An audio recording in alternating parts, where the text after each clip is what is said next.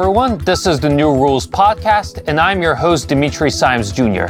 I don't think that anyone would dispute that 2023 has been not a really good year for Ukraine, to put it delicately. Starting with the failed counteroffensive, infighting among elites, and now growing war fatigue in the West.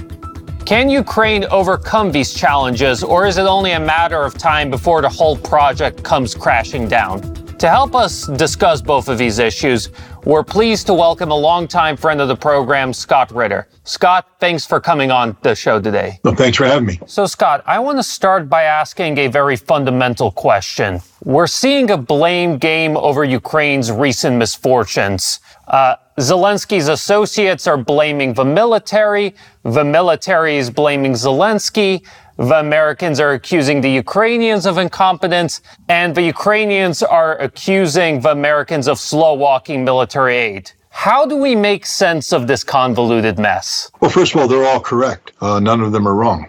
This is a clear case example of political incompetence on the part of the Ukrainian president, uh, Zelensky. You know, he undertook this aggressive venture. He's a man who ran on a platform of peace and yet only delivered war. This is a war that did not need to occur. It's a war that happened because Zelensky bought into a premise offered by the West that Ukraine could be a member of NATO, that Ukraine could become part of the collective West, that Ukraine would be able to tie its fortunes to the collective West at the expense of not only the Russian nation, but the Russian people of Ukraine. This was a political decision made by Zelensky. It's a military catastrophe for Ukraine because Ukraine never had the military capacity to transform Zelensky's fantasy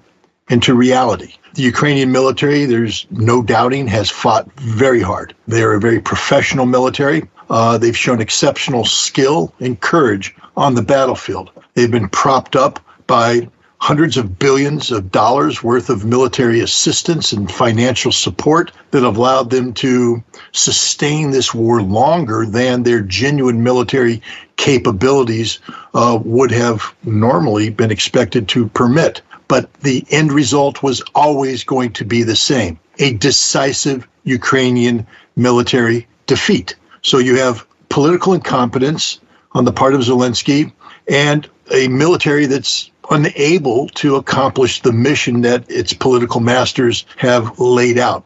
Layered on this, we have the expectations of the collective West, of the United States, of Europe, of NATO. Let's just be very frank here. None of those three entities cares about Ukraine. Ukrainian people, the Ukrainian nation, the future of Ukraine. They simply don't. They have used Ukraine as a tool, a tool to disrupt and destroy Russia economically, militarily, but most importantly, politically. This has always been about generating some sort of Moscow Maidan moment where the combined effects of economic sanctions and uh, military difficulties against Ukraine would disenfranchise the Russian people from their government, uh, to create the momentum of uh, seeking political change to oust Vladimir Putin as the Ukrainians ousted the Viktor Yanukovych back in 2014. This has been the the dream of the collective West, and Ukraine was simply the tool that was used to achieve this. So the West has never, ever postured themselves to empower Ukraine to militarily defeat Russia. What they've done is empower Ukraine to sacrifice themselves on the altar of a new geopolitical reality, which is a failed Russian state, uh, for Russia to return to its subservient role of the 1990s. This was the West's goal. This was the West's objective. So the West has never sought to enable Ukraine to carry out what was a mission impossible that is, the military defeat of Russia. And so we can't really speak about Ukrainian incompetence. You can't be incompetent when you are tasked with doing something that is impossible. the West didn't give Ukraine the resources necessary to defeat Russia. Let's just look at it even structurally. Ukraine was tasked with penetrating prepared Russian defenses. You can't do this unless you can suppress the totality of Russia's ability to deploy supporting arms against against a Ukrainian attacker, artillery, air support, etc. Ukraine lacked any air power in, at all to uh, sweep the skies free of Russian air power, of Russian helicopters. And if you can't do that, then the Russian air is going to be able to interdict your attackers before they get to uh, their primary objective. The same with artillery. Ukraine was never able to suppress artillery. Ukraine was never able to create the gaps in the Russian defenses. They never had the military capacity to do this because the West never gave it to them. So for the West to say Ukraine is incompetent because it failed to accomplish military tasks which were impossible to accomplish is just once again indicative of the reality that the West doesn't care about Ukraine. And that's the sad state of affairs. You have an incompetent president. You have a Ukrainian military that's not capable of performing any of the missions that it's been assigned. And you have a collective West, the United States, NATO, the European Union, that has been willing to sacrifice Ukraine to achieve an unattainable uh, political objective in Russia. Look, I don't want to get too far ahead of our discussion here, but Russian President Vladimir Putin just announced that he'll be running for election uh, come March 2024. I don't think there's any debate about what the outcome of that election will be. And Russian uh, President Vladimir Putin is looking for another six years of leading Russia. This is a reality that the West is going to have to learn to accept. It's a reality that the West at this present time can't appear to grasp. And we can't grasp it because we don't understand Russia. We don't comprehend Russia. We have mischaracterized Vladimir Putin as an autocrat, as a dictator, not recognizing the linkage between the Russian president, the Russian people, the Russian state. And because we don't understand Russia, we don't understand how Russia works, we come up with solutions to the problem of Russia. But you can't have a solution if you haven't accurately defined the problem, because otherwise you're solving nothing. And that's where the West is today, uh, trying to come up with a solution to a Russian problem, that is the problem of this autocratic dictator, Vladimir Putin, not recognizing that what they're seeking to transform is not just a president, but a state, a people, a nation, and that's a mission impossible. That's just not going to happen. All the points you make is valid. I just want to pick you a little bit further on the issue of Ukrainian military competence or incompetence. You know, in preparation for this interview, I looked over what Ukrainian military officials said at the beginning of the year. And one quote that particularly caught my mind was by then Ukrainian Defense Minister Alexei Reznikov, who in February of this year said that Ukraine has everything it needs and everything it asked for in terms of weapons to launch their much anticipated counteroffensive. And if I'm not mistaken, Zaluzhny late last year presented the Biden administration with a long list of types of armored vehicles, other weapons that he wanted and he got pretty much everything he asked for. Doesn't this suggest that the Ukrainian military leadership, along with the West, fatally miscalculated Russian resolve, Russian ability, Russian defenses? Absolutely, uh, 100% agree with that uh, with that sentiment. But we also have to understand that at the same time that he was asking for this material support, he was also asking for assistance in creating nine to 12 brigades. Uh, that's the manpower upon which this uh, technology would fall in on. Uh, brigades that were going to be tasked with carrying out this very ambitious program. And that right there tells you how unrealistic this entire proposition was and how politicized it was. Carrying out a um, assault breaching operation of the scope and scale and complexity that Ukraine was proposing against the prepared Russian defenses at Zaporizhia. To, to do this, you would need a military uh, trained to the level of the United States military. Uh, you would need assault troops that have the professionalism, the dedication, uh, the the ability of, say, the United States Marine Corps to even contemplate attempting this. And you would need far more than just equipment, that the equipment that was promised. You would need the air cover. You would need air defenses, things that Ukraine simply didn't have. So this was a mission that was never going to succeed, ever going to succeed. Zaluzhny knew this. The Ukrainian defense minister knew this. Zelensky knew this. Every American and NATO military officer involved knew this because you can't carry out that kind of operation without absolute control of the airspace over the battlefield. And Ukraine was unable to do this. So everybody knew what the outcome would be. The only thing they did is they fooled themselves. They fooled themselves by creating the notion that you didn't need air power because the Russian military was going to cut and run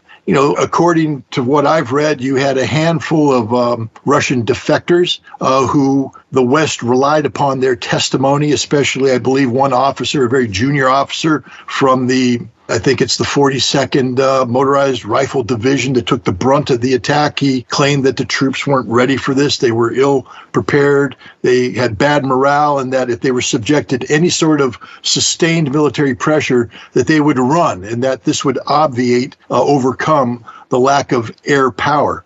Uh, but any military intelligence professional, and that's what I used to be, would have said you can't make such sweeping assertions based upon such limited uh, data that you have to take a look at the totality of the evidence. And the totality of the evidence shows that Russia pulled out, you know, Lieutenant General uh, Romanchuk, Alexander Romanchuk from the Combined Arms Academy. He's a defensive uh, specialist who rewrote Russia's defensive doctrine and put him in charge of not only building but organizing the Russian defenses at Zaporizhia. That the Russian troops were well trained, they had good leadership, they were well motivated, that they weren't going to cut and run. These were all predictable outcomes. But the West fooled itself because, again, and I have to emphasize this point this was never about militarily defeating Russia. It was about creating the perception that Russia wasn't going to win, that this was going to be a drawn out affair, that Russia was trapped in a quagmire of its own making, thereby trying to get the Russian public to buy into the propaganda being sold to it by Ukraine and the West to say, "Oh my goodness, the Ukrainians they they're it's inevitable that they're going to be pushing us back. We're never going to win. It's our leadership's fault. Therefore, we will rise up and seek to remove Vladimir Putin from power. That was the Western objective, never to get a military victory on the battlefield, but to create the perception of the potential of a military victory, uh, or at the very minimum, to create the perception of an endless conflict, a conflict that Russia couldn't win. But as we see, the tables have been turned. Russia has won. Russia is winning. You are watching and listening to the New Rules podcast. I'm your host, Dimitri Simes Jr., and our guest today is Scott Ritter.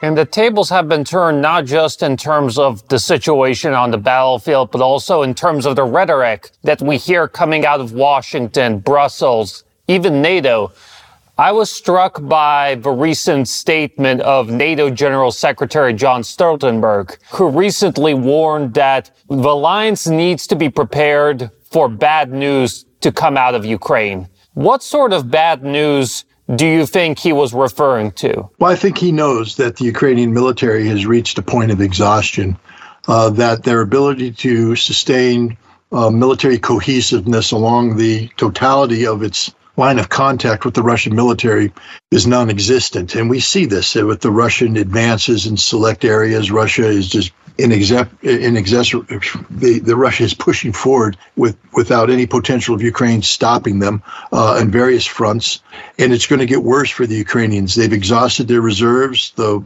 The West has shown a uh, an inability to replenish Ukraine to the extent necessary. But even if they did, even if they provided the material and the money, Ukraine has no manpower left. They're increasing their draft age. Uh, they're talking about bringing in 60 year old men or even more. Women, we've seen pregnant women uh, captured on the battlefield. We've seen women killed on the battlefield. Uh, this is what Ukraine has left to defend itself. They are literally an exhausted nation. And the NATO leadership recognizes this. They recognize that uh, they were not capable of uh, successfully producing the number of artillery shells that Ukraine needed to be competitive on the battlefield. Ukraine is running out of ammunition, um, has run out of ammunition. Indeed, some of the reporting coming from the Avdiivka front uh, shows that the Russians are making considerable gains because Ukraine has no ammunition left to resist. And this is the situation that's going to replicate itself across the battlefield. Uh, the, the armories of the West are empty. There's nothing left to give Ukraine. Ukraine is exhausted. And I think Stoltenberg recognizes that nothing good is going to come from this and that the West has to get used to the fact that Russia has won and not just won peripherally, uh, but won decisively, that this is exactly what NATO said could never happen. Remember, Stoltenberg's the same man who said that a Russian victory represents an existential threat to NATO. And now Russia is winning, and this victory is going to be decisive.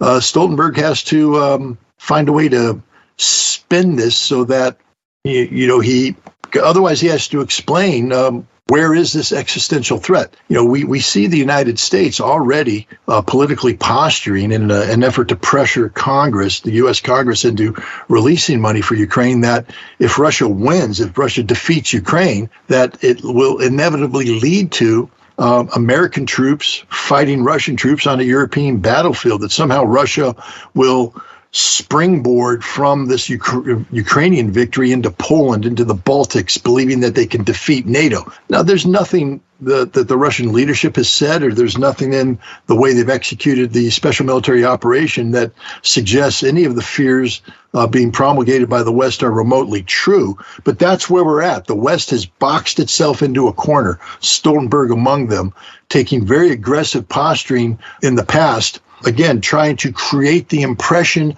of the inevitability of a Ukrainian victory or Ukraine's ability to make this a forever war so that there would be political unrest in Russia. The tables have turned now. Russian leadership is stronger than ever. The Russian military is victorious. And it's Stoltenberg and the West that are left scrambling to explain uh, why they got it so wrong and what the future will hold. So, on that note, uh, I'm looking at a recent report from Reuters that purportedly describes Ukraine's weapons wish list. And some of the items on that list include THAAD missile defense systems, F-18 and F-16 fighter jets, Apache and Black Hawk helicopters, and obviously lots of ammunition of all sorts. How realistic is it for Ukraine to get any of the items on that weapons wish list?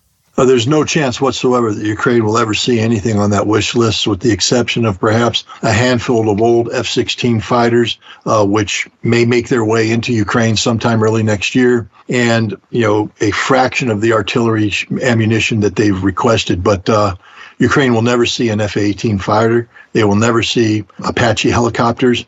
I mean, some Black Hawk helicopters, I believe, have already been provided to them in limited numbers, but they'll never never see them in the numbers that they're requesting. They will never see the THAAD air defense system. This this again is a sign of absolute panic uh, on the part of Ukraine. You know, Zelensky is is approaching a delusional state where he appears to be you know, of a mindset similar to that which uh, Adolf Hitler uh, possessed in the final days in the Berlin bunker as the Red Army closed in, uh, where he fantasized armies. He was moving non-existent troops and aircraft on a map with his hands. Um, that's that's what Zelensky's doing. His his wish list is so far removed from reality that one has to question the um, mental stability of the man who is thinking in this way. But let's dig a little bit deeper. Is this a problem of production capability and reserves, or is this a problem of political willpower? Why exactly is Ukraine unlikely to get the weapons on its wish list? Well, it's a combination. Uh, well, uh, first of all, it's not a matter of will. Why would we give them F-18 fighters? Why would we hand over one of our best, you know, best fighters to a, a Ukrainian Air Force that's incapable of flying them and operating them? Well, it's just throwing away money, throwing away capability. Um, it also creates a, a, bad precedent. We don't want to see FA 18 fighters being blown out of the sky by Russian aircraft or Russian air defense. And that's what would happen because the Ukrainian pilots don't have the ability to fly these airplanes and they don't have the, the systems in place to make the airplanes viable in a modern uh, you know combat setting. They don't have the air control capacity. They don't have the radars. They don't have the intelligence. They don't have the logistics. So why would we give them that? It's uh, it's a non-starter. The THAAD is one of the most modern air defense systems that we have. Why would we give it to the Ukrainians? They're incapable of absorbing this technology, and by putting this technology in a place where it's going to be used in a in a less than favorable fashion all we're doing is allowing Russia to collect intelligence on how this system operates so that Russia can further refine its own um, missile capabilities uh, aircraft capabilities so that if in the future Russia were to fight the United States, they would have already overcome one of the technological hurdles that you know a war with the United States would present itself. So no, we wouldn't give Ukraine these weapons. It's stupid. It's not political will, it's national security. Let me again make the following point. Ukraine does not factor into the legitimate national security interests of the United States. We are not going to sacrifice ourselves on the altar of Ukrainian nationalism. We We've given them some support, but that support was merely sufficient to create the perception of Ukrainian strength so that Russia fell into the trap of thinking that this was a forever conflict. But we were never going to give Ukrainians the ability to win this war because they were never going to have the ability to win this war. Ukraine cannot defeat Russia. They're not physically capable of defeating Russia, regardless of the equipment that the West gives them. So, why would we sacrifice the best equipment we have on this altar? We're not going to do it. I get your point about national security. And again, looking at it from an objective point of view, there's absolutely no reason why the United States status as a superpower is any way contingent on a third world, you know, dysfunctional Eastern European oligarchy. But there are two reasons why I think that the United States has a vested interest to keep supporting Ukraine. The first is obviously financial because there's a lot of people in Washington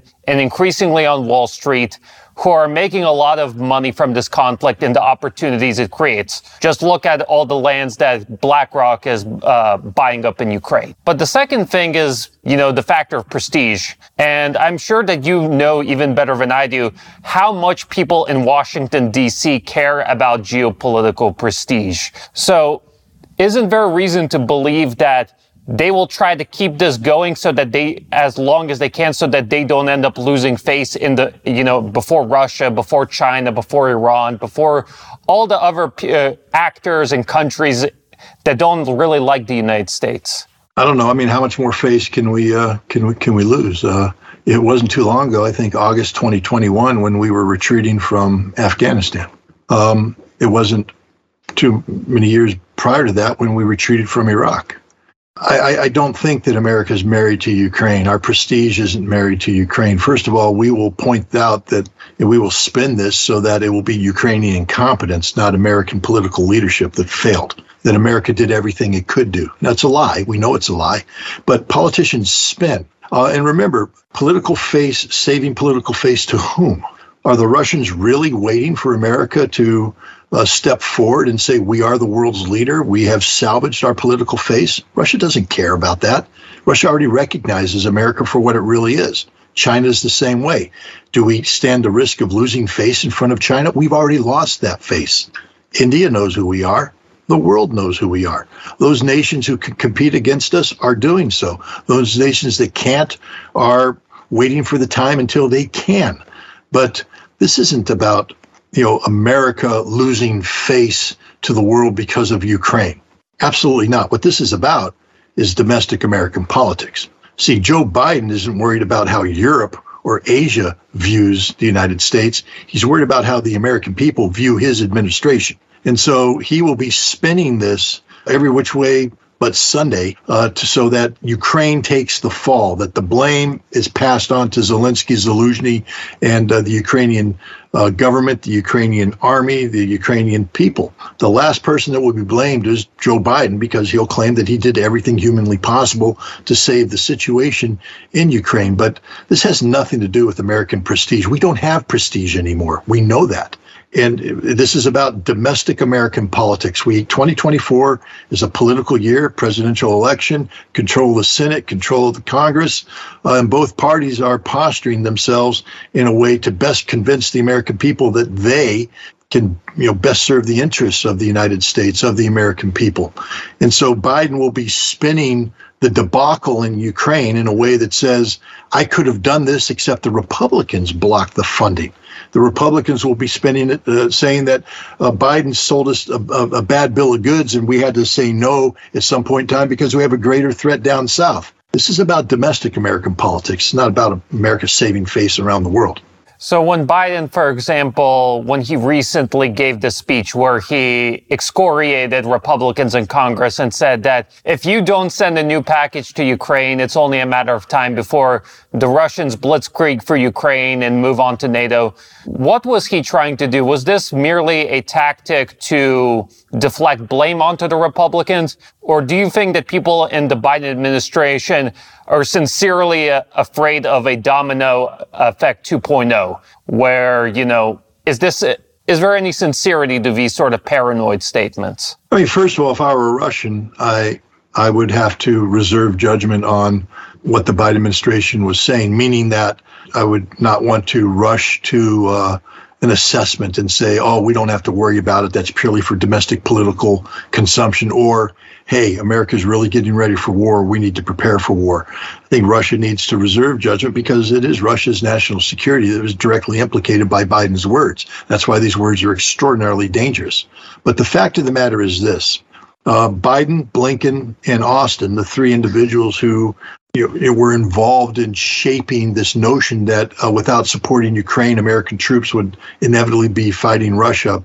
All three were predicated on Russia continuing its offensive operations into NATO countries, thereby triggering Article 5 of the NATO Charter uh, and compelling America to come to defense. The good news is Russia's there's no indication that this is something that Russia is considering or is prepared to do. Uh, as, as impressive as the Russian military um, capability has been shown to be on the battlefield with Ukraine, uh, the Russians don't have the military capacity today to A, occupy Ukraine, and B, use that occupation as a springboard into further combat actions into Poland or the Baltic states is beyond the capability of the Russian military as it's currently uh, configured. Uh, more importantly, the Russian political leadership has shown no no uh, predilection to move in this this direction at all. Exact uh, the exact opposite. Russia is looking for a new European security framework based upon negotiations, not upon coercion. Uh, Russia is not looking to invade anybody. Uh, if anything, Russia's posture once the Ukrainian conflict is over will return to its defensive posture, creating the capabilities to, to, to deter and, if they fail to defeat, any NATO incursion into Russia or in the case of uh, Russia's allies, Belarus, or whatever the new Ukrainian political reality is. But Russia's not looking to attack. So this is the reality. And the Pentagon knows this. The Russian experts know this. So my interpretation is that Biden isn't serious about saying that we're going to be fighting the Russians. What he's doing is playing upon the ignorance of the American people who are again infected with Russophobia, the, the fear of all things Russia. We don't understand Russia, therefore we're afraid of Russia, and we buy into any narrative that points that paints Russia in a negative light. So Biden and Blinken and Austin are trying to play on these fears of the American people so that they pressure the Republicans to stop holding up the money. They pressure the Republicans to stop linking Ukrainian funding with the southern border. That's what's happening. It's about domestic American politics. So, full disclosure, we're taping this podcast before uh, Zelensky's much anticipated trip to Washington. I honestly don't know how that pans out, but let's assume that Zelensky is able to talk his way into a new Ukraine aid package. What is realistic for Ukraine to expect in terms of additional further military aid from the West? The day of the West turning over hundreds of tanks, hundreds of infantry fighting vehicles, hundreds of artillery pieces is over. We just don't have it left to give.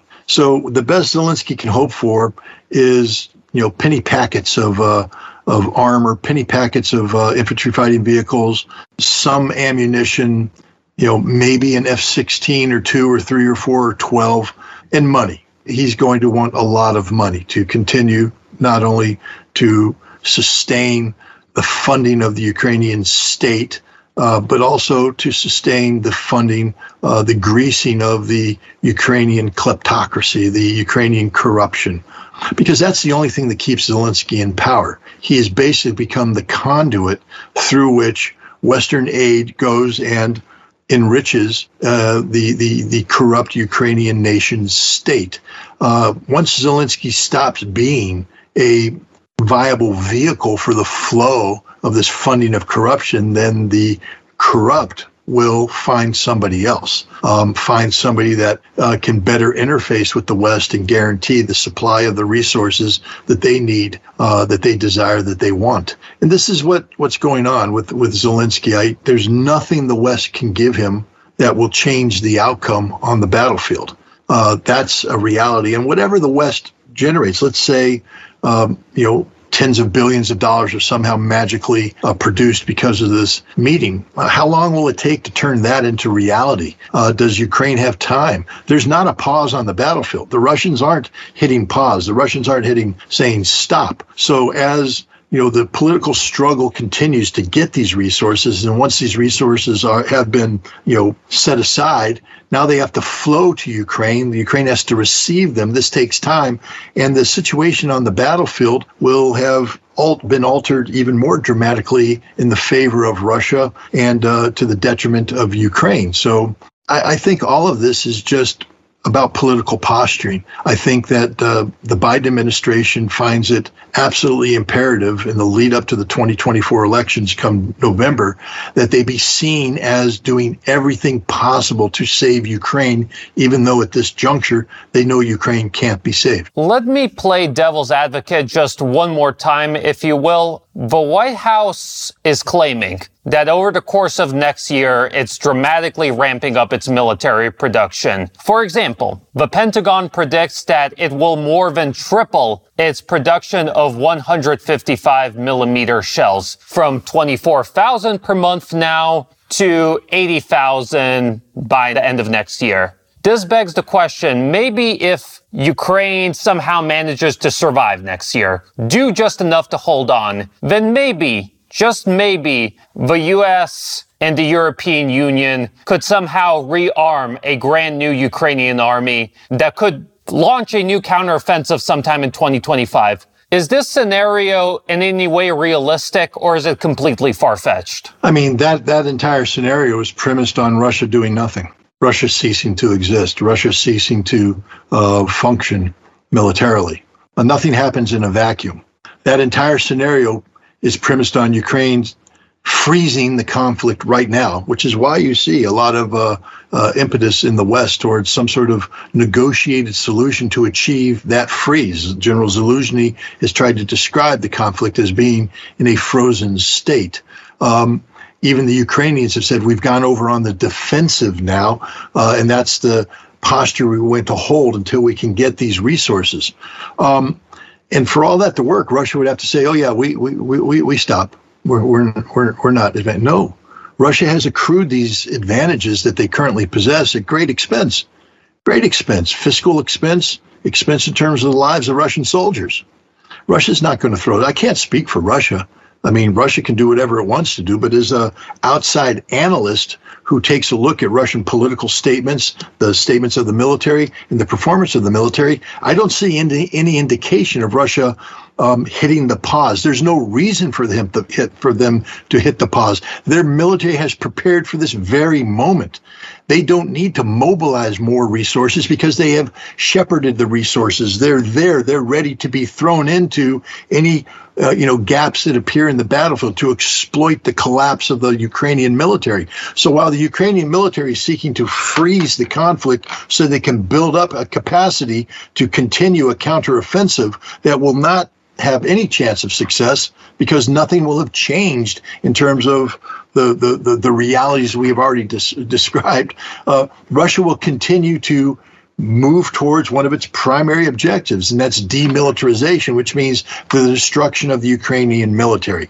And I just believe that Russia's ability to destroy Ukrainian uh, military resources far exceeds Ukraine's ability, with or without Western assistance, to generate new military capability. So Ukraine's in a losing, um, you know, equation. Uh, they can't reverse uh, the, the the trajectory that they're on, and so there's no chance whatsoever of Ukraine uh, achieving what they want because there will be no operational pause.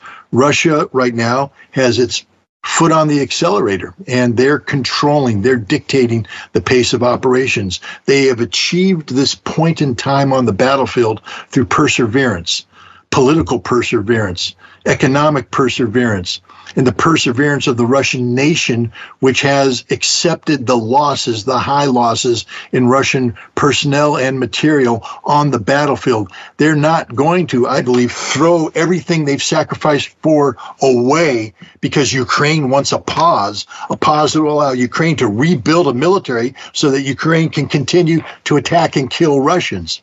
It's just unrealistic. So, if we accept that Ukraine is in a militarily untenable position and any Western aid at best would arrive in 2025, what does that mean in practice, right? Does this mean the Ukrainian military will is facing imminent collapse, or could we see some sort of longer degradation? You know, the, the answer to that question lays with the Russian military and the Russian political leadership. Uh, right now, based upon the pressure that's being placed on the battlefield by the Russian military, we are looking at the imminent collapse of Ukrainian defensive cohesiveness on select sectors of the battlefield.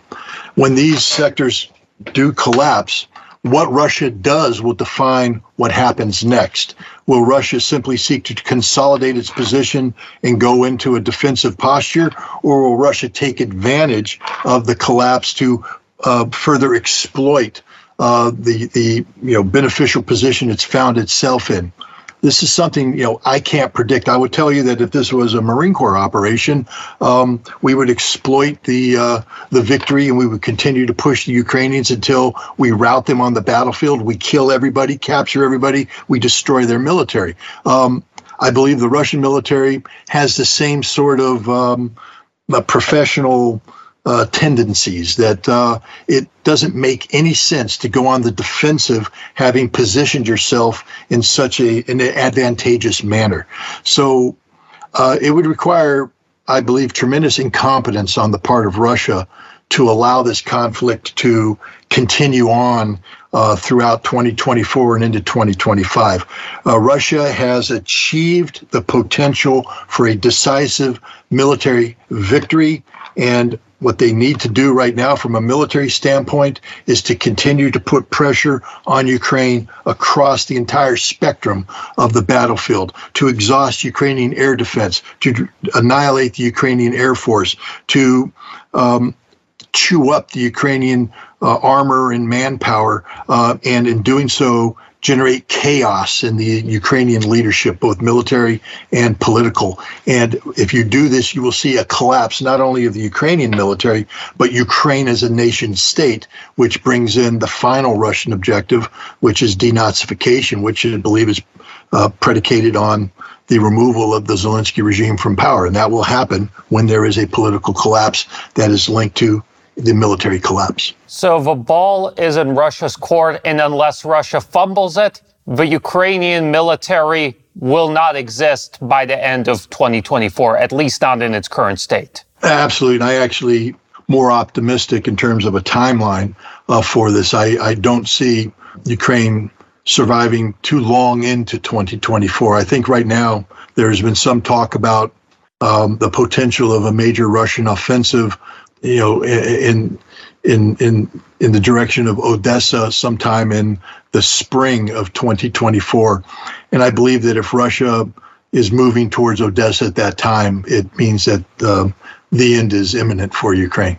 And so, if this were to happen, this would only exacerbate the infighting that we see among Ukrainian elites with, you know, Zelensky going after Zaluzhny and the Ukrainian military leadership and the Ukrainian military leadership biting back at Zelensky. All of this sort of infighting has obviously stoked speculations that at some point there could be a Ukrainian military coup against Zelensky. How do you think the Biden administration would feel about that? Would they breathe a sigh of relief or would they be uncomfortable with seeing Zelensky, who they've invested so much resources and prestige, being swept aside by the military? Well, in many ways, a Ukrainian military coup would be a godsend for the Biden administration because it would be the it would bring to reality uh, their their political out, meaning that it wasn't our fault. Ukraine was never capable of doing this. We gave Ukraine all the resources necessary,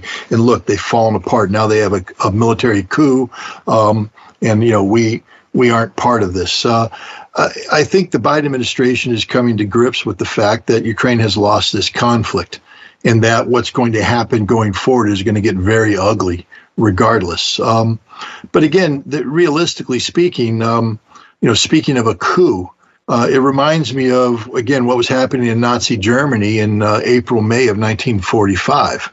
Uh, where you had a lot of political infighting behind the back of Adolf Hitler with Himmler, with uh, Goebbels, with um, you know uh, other senior Nazi uh, figures. Um, you know, but at the end of the day, it just didn't matter because the Red Army wasn't going to play that game. The Red Army didn't care, you know, whether Himmler uh, took over, seized power, or Canaris did something with the military. Um, all they cared about was the unconditional surrender of uh, Nazi Germany, and that's what the West cared about as well.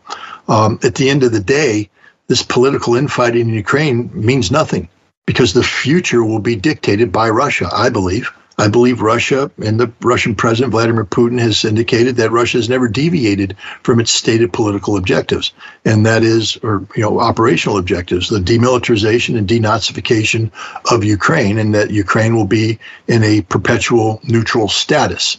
Um, this can only happen um, not through some negotiation with a Zelensky government or a military junta that takes over that uh, continues to believe that uh, Ukraine uh, can exist in its current form politically uh, that and be linked to the West. That there's hope for uh, NATO. They have a constitution that mandates NATO membership.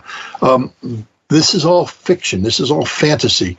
Russia will dictate reality again, I can't speak on behalf of Russia, but there's nothing about how Russia has defined victory that leads me to believe that they would uh, make peace with the military junta that uh, is so closely linked to, to NATO. So I I think all of this is just you know part and parcel of the ugliness of defeat. When nations collapse, when societies collapse, when economies collapse, when military collapses, there is a period of chaos and anarchy that is um, exciting in a political way while it's happening, but in the long term is actually just a sideshow because the reality is what comes after that. And what comes after that I believe, will be dictated by Russia in whatever conflict termination uh, mechanism they choose to employ. But in some ways, this chaos could be potentially very dangerous because you've painted a very bleak picture for Zelensky. On the one hand, he's increasingly being done by the Biden administration. On the other hand, he sees members of his own military increasingly turn against him. You know, being in such a desperate position, what is the risk, do you think, of Zelensky going rogue, of going unhinged, of trying to do something extremely stupid and risky in order to stay in power and blackmail the United States into keep supporting him? I mean, we've already seen evidence of, of this kind of uh, rogue behavior the attack on the Crimea Bridge, multiple attacks on the Crimea Bridge, drone attacks against the Kremlin, drone attacks against Russia, assassinations uh, taking place on Russian soil. All of these are extreme actions carried out by the Ukrainian government, by Ukrainian intelligence. Um, and it couldn't happen without the, the knowledge and support of the Ukrainian presidency. So we see Zelensky in that direction. We know that he has uh, contemplated uh, attacking the Zaporizhia nuclear power plant to create some sort of emergency situation there.